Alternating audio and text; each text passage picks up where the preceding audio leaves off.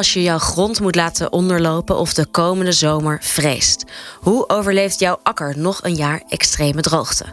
Allemaal willen we een gezonde omgeving, geen verontreinigde uitstoot, een bodemvol leven, vitale ecosystemen. Maar ons landschap verandert ingrijpend door de klimaatcrisis en door hoe wij ermee omgaan. Wat doet dat met ons? In deze special van Podcast 31, Platteland Klimaatbestendig, kijken we vanuit de psyche van de mens naar het veranderende klimaat daar waar de pijn als eerste gevoeld wordt, in het landelijk gebied. Bij mij te gast Martine Veenman, PhD-kandidaat planetaire gezondheid aan de Universiteit van Maastricht. En een van de kartrekkers van onderzoeksproject Mantra, waarin wetenschappers, maatschappelijke en publieke organisaties kijken naar de gezondheidseffecten van klimaatadaptatie op het platteland. Klimaatpsycholoog Christophe Absoel is hier. En aan de lijn zo direct Bert Visser, betrokken bij Herenboeren in Boekel. En de klimaatburgemeester van gemeente Gemert Bakel. Welkom alle drie. Goed dat jullie er zijn. Martine Veenman, ik wil met jou beginnen. Als ik aan een opwarmende aarde denk, dan zie ik vooral beelden van bosbranden vormen, droogte noemde ik net al, overstromingen, fysieke rampen. Niet zozeer schade aan onze gezondheid. Wat zijn geestelijke gezondheidsrisico's van de klimaatcrisis voor onszelf? Ja, dat is een hele goede vraag die je stelt. En ik um, denk ook dat de zichtbare gevolgen van klimaatverandering vaak inderdaad de, de, bosbranden zijn, de droogte, maar dat klimaatverandering ook echt een sluipmoordenaar kan zijn. Um, ook voor dieren, maar ook voor de mens, uh, fysiek en mentaal. Um, en mentaal is er eigenlijk nog heel weinig bekend hoe dat precies samenhangt. Eh, er zijn maar heel weinig mensen die bijvoorbeeld met uh, klachten door het klimaat bij de huisarts terechtkomen. Um, en daarom is het ook zo belangrijk dat we onderzoek gaan doen naar de relatie tussen, tussen klimaatverandering en mentale klachten. Hoe heeft klimaatverandering bijvoorbeeld um, een rol te spelen bij het ontstaan en ontwikkelen van um, mentale klachten. En dat kan uitlopen tot een verslaving, een depressie. Um. En, maar is dat omdat wij als uh, burger het nog niet daaraan relateren aan de klimaatverandering? Of omdat het nog niet zo herkend wordt, of allebei? ik denk dat het een kwestie is van beide. het kan een rol spelen bij het ontstaan van klachten, maar vaak zijn er natuurlijk meerdere factoren in iemands leven die ervoor zorgen dat je uh, bepaalde klachten ontwikkelt. Uh, en daarom is het ook zo belangrijk dat we onderzoek gaan doen van hoe, hoe interacteert dat precies met elkaar? Hoe, wat, hoe, wat zijn de relaties tussen verschillende factoren? Waaronder klimaatverandering natuurlijk een steeds grotere rol gaat spelen, omdat het steeds meer ja. aan de hand is in ons leven. Ja, en jullie zijn net begonnen, hè, een half jaar. Jullie onderzoeksproject Mantra is heel grootschalig opgezet, heel ambitieus, heel veel partners, van universiteiten, Platform 31 tot Naturalis. Wat onderzoeken jullie precies? Um, ja, het is inderdaad een heel breed uh, ja, onderzoeksteam. Uh, en het leuke is dat het uh, transdisciplinair is. Dus het is niet alleen wetenschappers van verschillende disciplines, maar ook echt praktische kennis. die we allemaal nodig hebben om te onderzoeken wat we willen gaan doen. En dat is namelijk hoe we op een gezonde manier ons kunnen aanpassen en om kunnen gaan met klimaatverandering op het Nederlandse platteland. En dus heel specifiek het platteland. want er is al aardig wat onderzoek gedaan naar steden en hoe, hoe die. Um, ja, beter kunnen omgaan met klimaatverandering. Maar eigenlijk is het platteland nog erg onderbelicht. Dus dat is echt wel het unieke van Mantra dat we daar. Uh... En waardoor komt dat, denk je? Dat het platteland onderbelicht is? Ik denk dat dat een hele lange discussie kan worden. Maar, uh... Oh ja, discussie meteen. Oh zeker. Ik denk dat er heel veel verschillende factoren zijn die. Uh, die ervoor kunnen zorgen dat het platteland wat onderbelicht is. Um, daar gaat gewoon over het algemeen wat minder aandacht naartoe. Um, wonen natuurlijk ook een stuk minder mensen. Wellicht ook wat minder geld. Um, maar dat betekent niet dat het ook heel belangrijk is om te onderzoeken hoe daar klimaatverandering een rol speelt. Want dat is waarschijnlijk heel anders dan in de stad, omdat er hele andere mensen leven daar toch ook andere levens. En er, ja, het leven ziet er daar anders uit. Het klimaat ja, ziet er anders Misschien ook juist hele directe gevolgen. Want wat ik al zei in mijn introductie, je grond verandert door uh, klimaatfactoren, klimatologische factoren. Maar wat dat betreft hebben jullie wel een op dit moment hot topic uitgekozen? Want het gaat nu natuurlijk juist uh, hier heel erg over, toch? De verhouding met het platteland. Ja, absoluut. Ja, ja, ja, zeker. En het is natuurlijk altijd de vraag waar begint het platteland en waar begint de stad? Zeker in zo'n klein, dichtbevolkt gebied als Nederland. Maar vandaar dat we ook echt wel specifiek drie gebieden in Nederland hebben uitgekozen: het Hoge Land, de Alblasserwaard en Noordoost-Brabant, waar we specifieke zogeheten rural labs opzetten en daar met mensen onderzoek, met lokale stakeholders, eh, het onderzoek gaan uitvoeren. Um, maar goed, ook de definitie platteland en stad zal, daar, dat, daar zullen we ook een goede definitie voor. Ja, eh, en ik, want er wordt ook wat door elkaar wordt gebruikt, is platteland versus landelijk gebied. Kan je daar het verschil voor mij even duiden? Of mag je dat gewoon door elkaar gebruiken? Ja, ik, persoonlijk denk ik dat het een beetje misschien een tomato-tomato uh, geval is.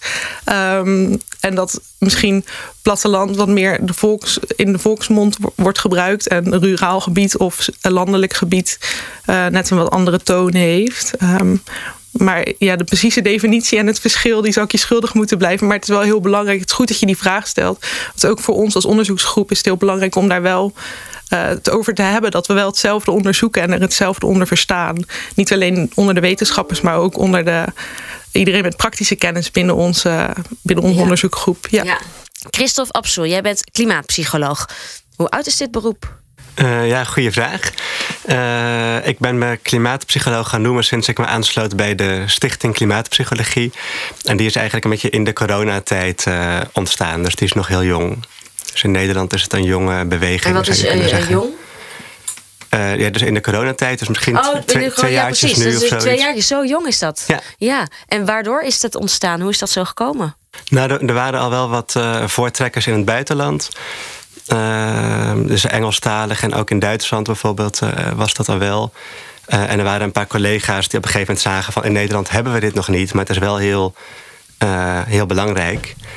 Uh, om ook vanuit onze expertise uh, hier mee te kunnen denken.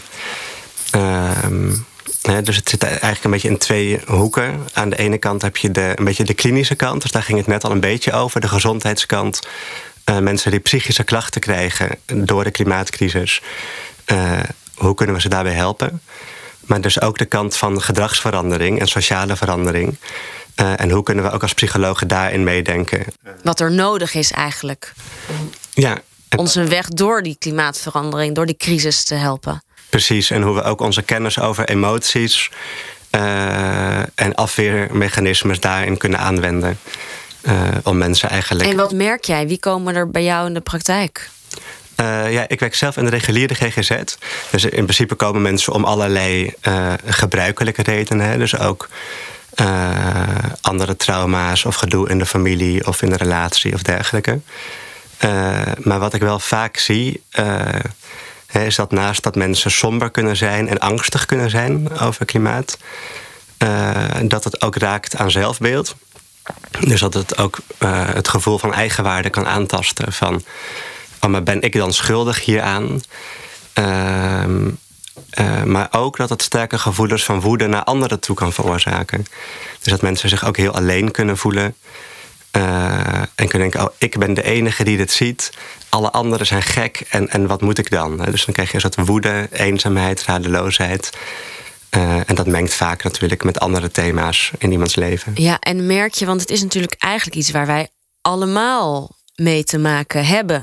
Want we leven allemaal op deze planeet. Maar toch vinden we elkaar misschien nog niet genoeg daarin om steun aan elkaar te hebben. Of juist wel, hoe zie jij dat? Ja, ik denk dat dat echt een, een groot probleem is. Of dat er ook nog heel veel te winnen valt. Dus je ziet dat de meeste mensen, uh, zeker driekwart van de mensen in Nederland en wereldwijd, zich echt zorgen maken. Uh, en toch voelen mensen zich hier vaak heel alleen mee. Uh, en vinden mensen het vaak ook een lastig onderwerp om over te praten met familie of vrienden of collega's. Hè, dat voelt dan toch een beetje als een uh, ongezellig onderwerp of een politiek beladen onderwerp. En mensen durven daar dus niet zo over te praten en komen er dan ook niet zo achter dat anderen dezelfde gevoelens hebben en nee, daar ook een weg in zoeken. Bert Visser, ik wil even naar u. Onderdeel van de Herenboeren, een burgerbeweging zijn jullie, waarin leden gedeeld eigenaar zijn van een natuurgedreven boerderij.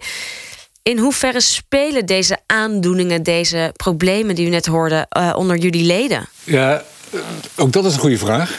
En ik denk dat dat heel gemixt is, maar ik denk wel dat het aantal mensen wat, wat, uh, wat herenboer wordt vanwege klimaatverandering, vanwege alles wat er gebeurt, wel groot is. Maar ik denk dat het merendeel het, het, beu is om voedsel te, te moeten kopen waarvan ze denken, ja, wat is er nou wel of niet mee gebeurd? Ik wil gewoon weten wat er met mijn eten gebeurd is. Ik denk dat dat voor het merendeel van de herenboeren het belangrijkste is.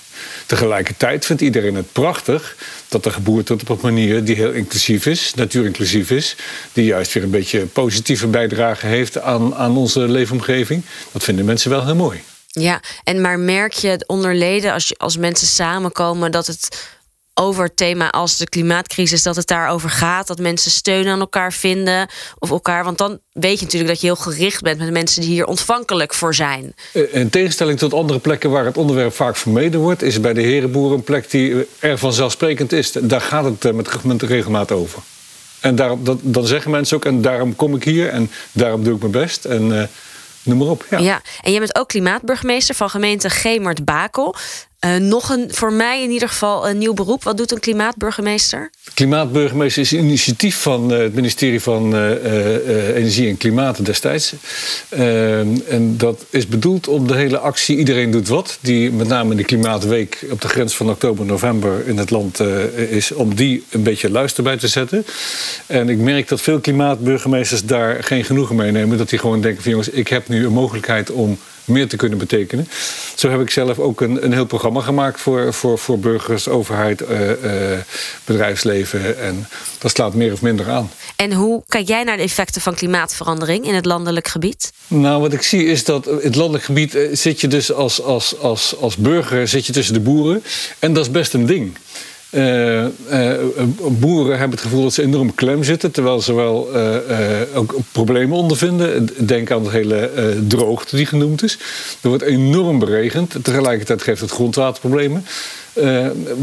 mensen zien dat. Dus de, de kans dat er nu een soort tweedeling ontstaat, of liever gezegd, die is er op een aantal plekken al tussen burgers en boeren, die wordt alleen maar groter. Het is moeilijker om die verbinding vast te houden. Dat merk ik ook wel. Um, jouw achtergrond is de gezondheidszorg. Kijk jij, als je die blik weer even op kan zetten, hoe, wat zie je dan? Ik ben nogal bezig geweest op het snijvlak van uh, duurzaamheid en gezondheidszorg. En mijn conclusie eruit is dat het eigenlijk synoniemen zijn, als je er goed naar gaat kijken.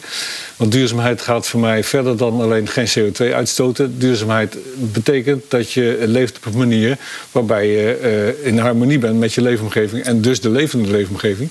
Ja, en dan ben je volgens mij ook bij gezondheid, want we zijn natuurlijk als mens ook maar een bijzondere diersoort in de natuur. Uh, dan zie je ook dat onze hele evolutie gebaseerd is op allerlei mechanismes die in de natuur aanwezig zijn en die gewoon nu nog steeds in ons aanwezig zijn.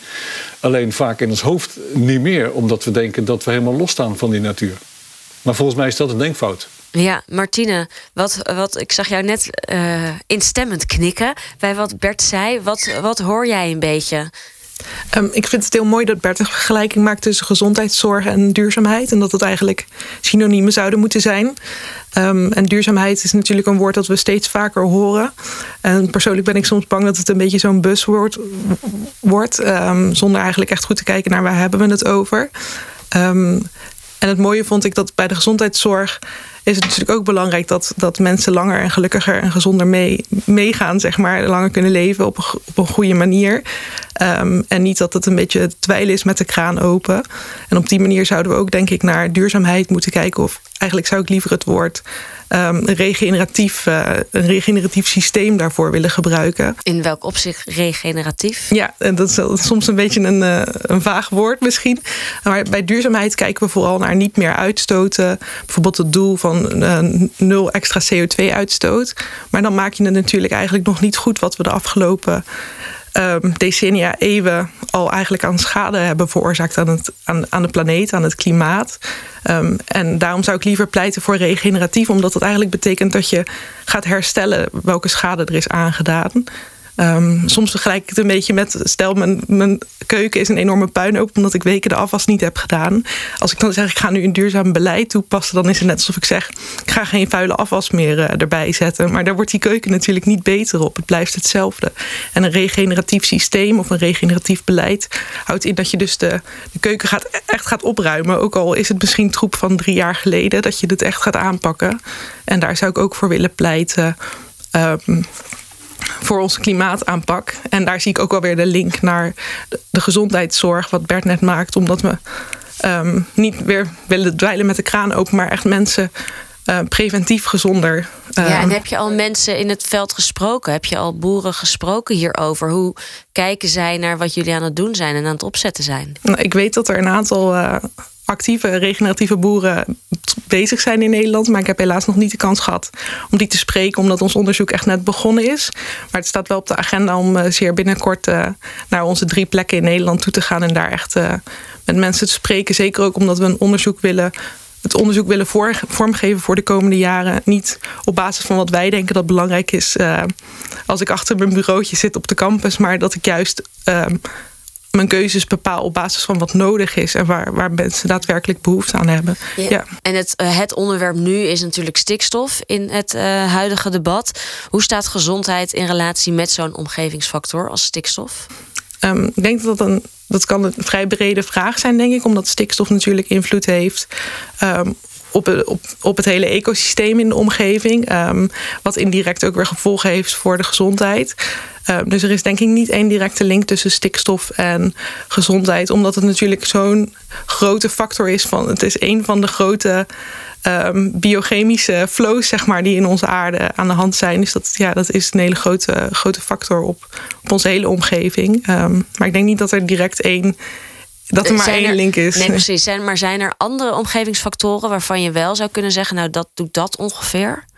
Um, ja, die zijn er zeker wel. Ik, maar ik denk, ben er ook altijd een beetje terughoudend in omdat dat toch soms ook een beetje een, een, het laaghangende fruit is. Denk bijvoorbeeld aan, uh, zoals het gat in de ozonlaag. Dus vaak wordt ook de vergelijking gemaakt van, oh, klimaatverandering kunnen we prima oplossen, want het gat in de ozonlaag was ook zo gedicht. Maar dat was een heel ander probleem. Dat was helemaal niet zo complex als klimaatverandering, omdat er een duidelijke oorzaak was van CFK's die we uit konden faceren uit onze apparaten. En toen werd de ozonlaag weer een stukje, een stukje gedicht, zo te zeggen.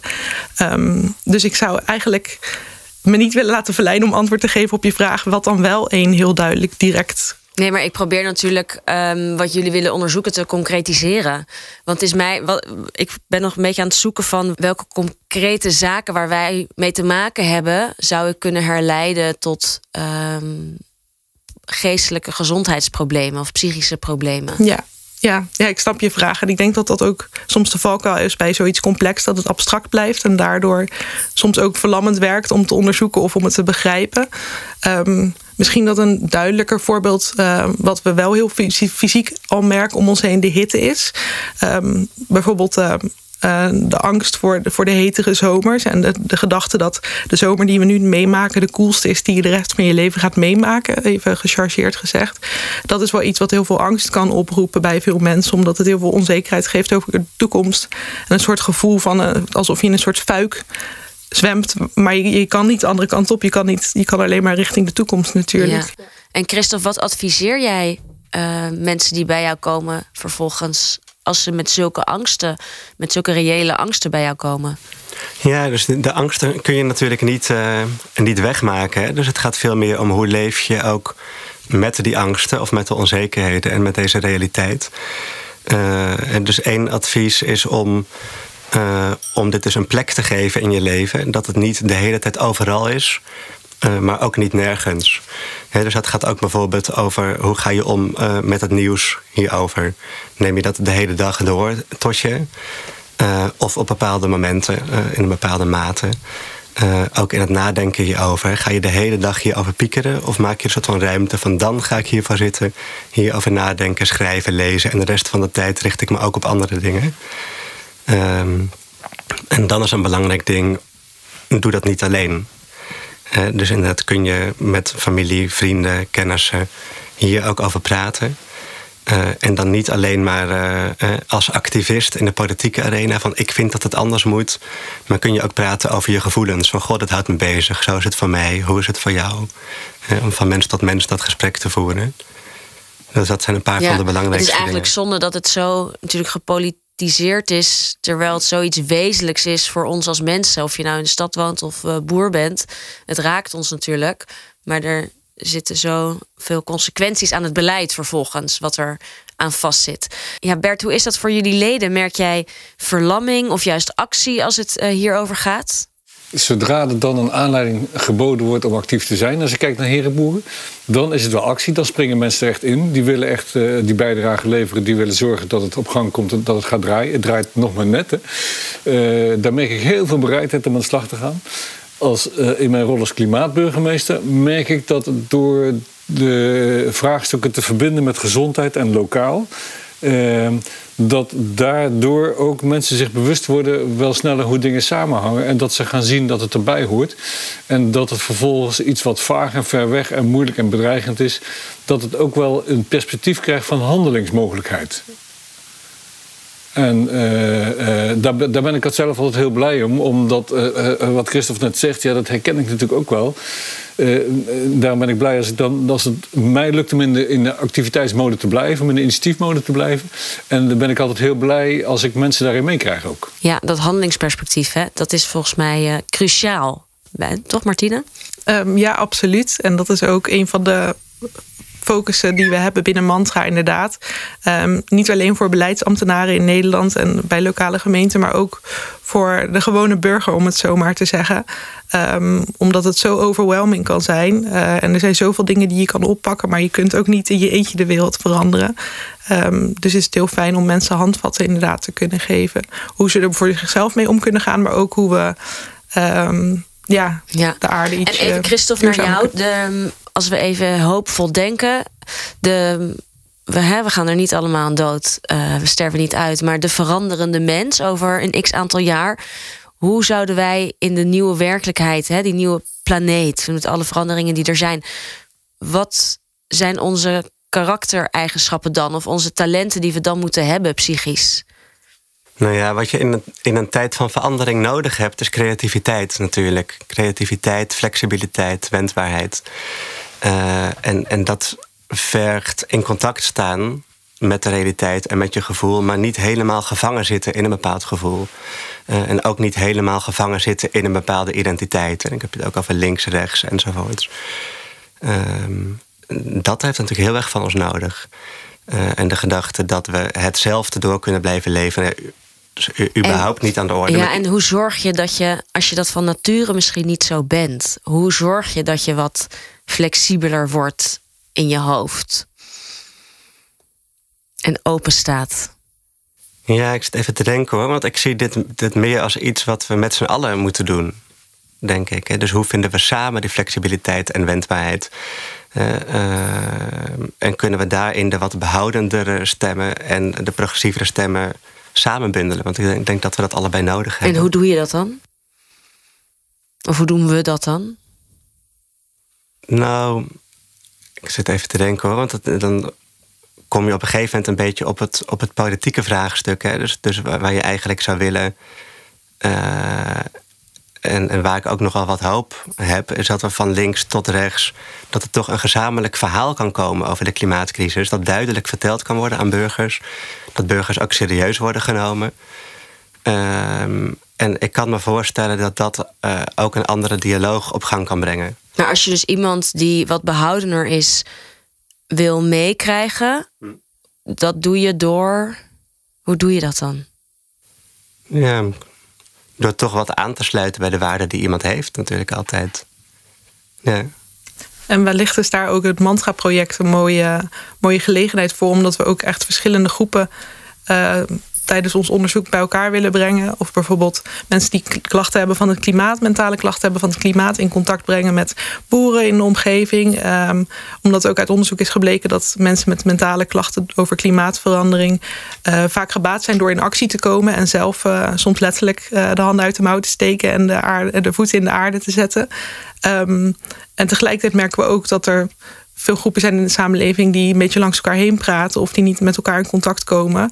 En door die twee groepen samen te brengen, zou dat een hele mooie ja. gelegenheid en ook kunnen zijn. En eigenaar, zelf eigenaar van willen laten voelen. Ja, ja. precies. Um, Martine, wat zijn jullie plannen voor de komende maanden?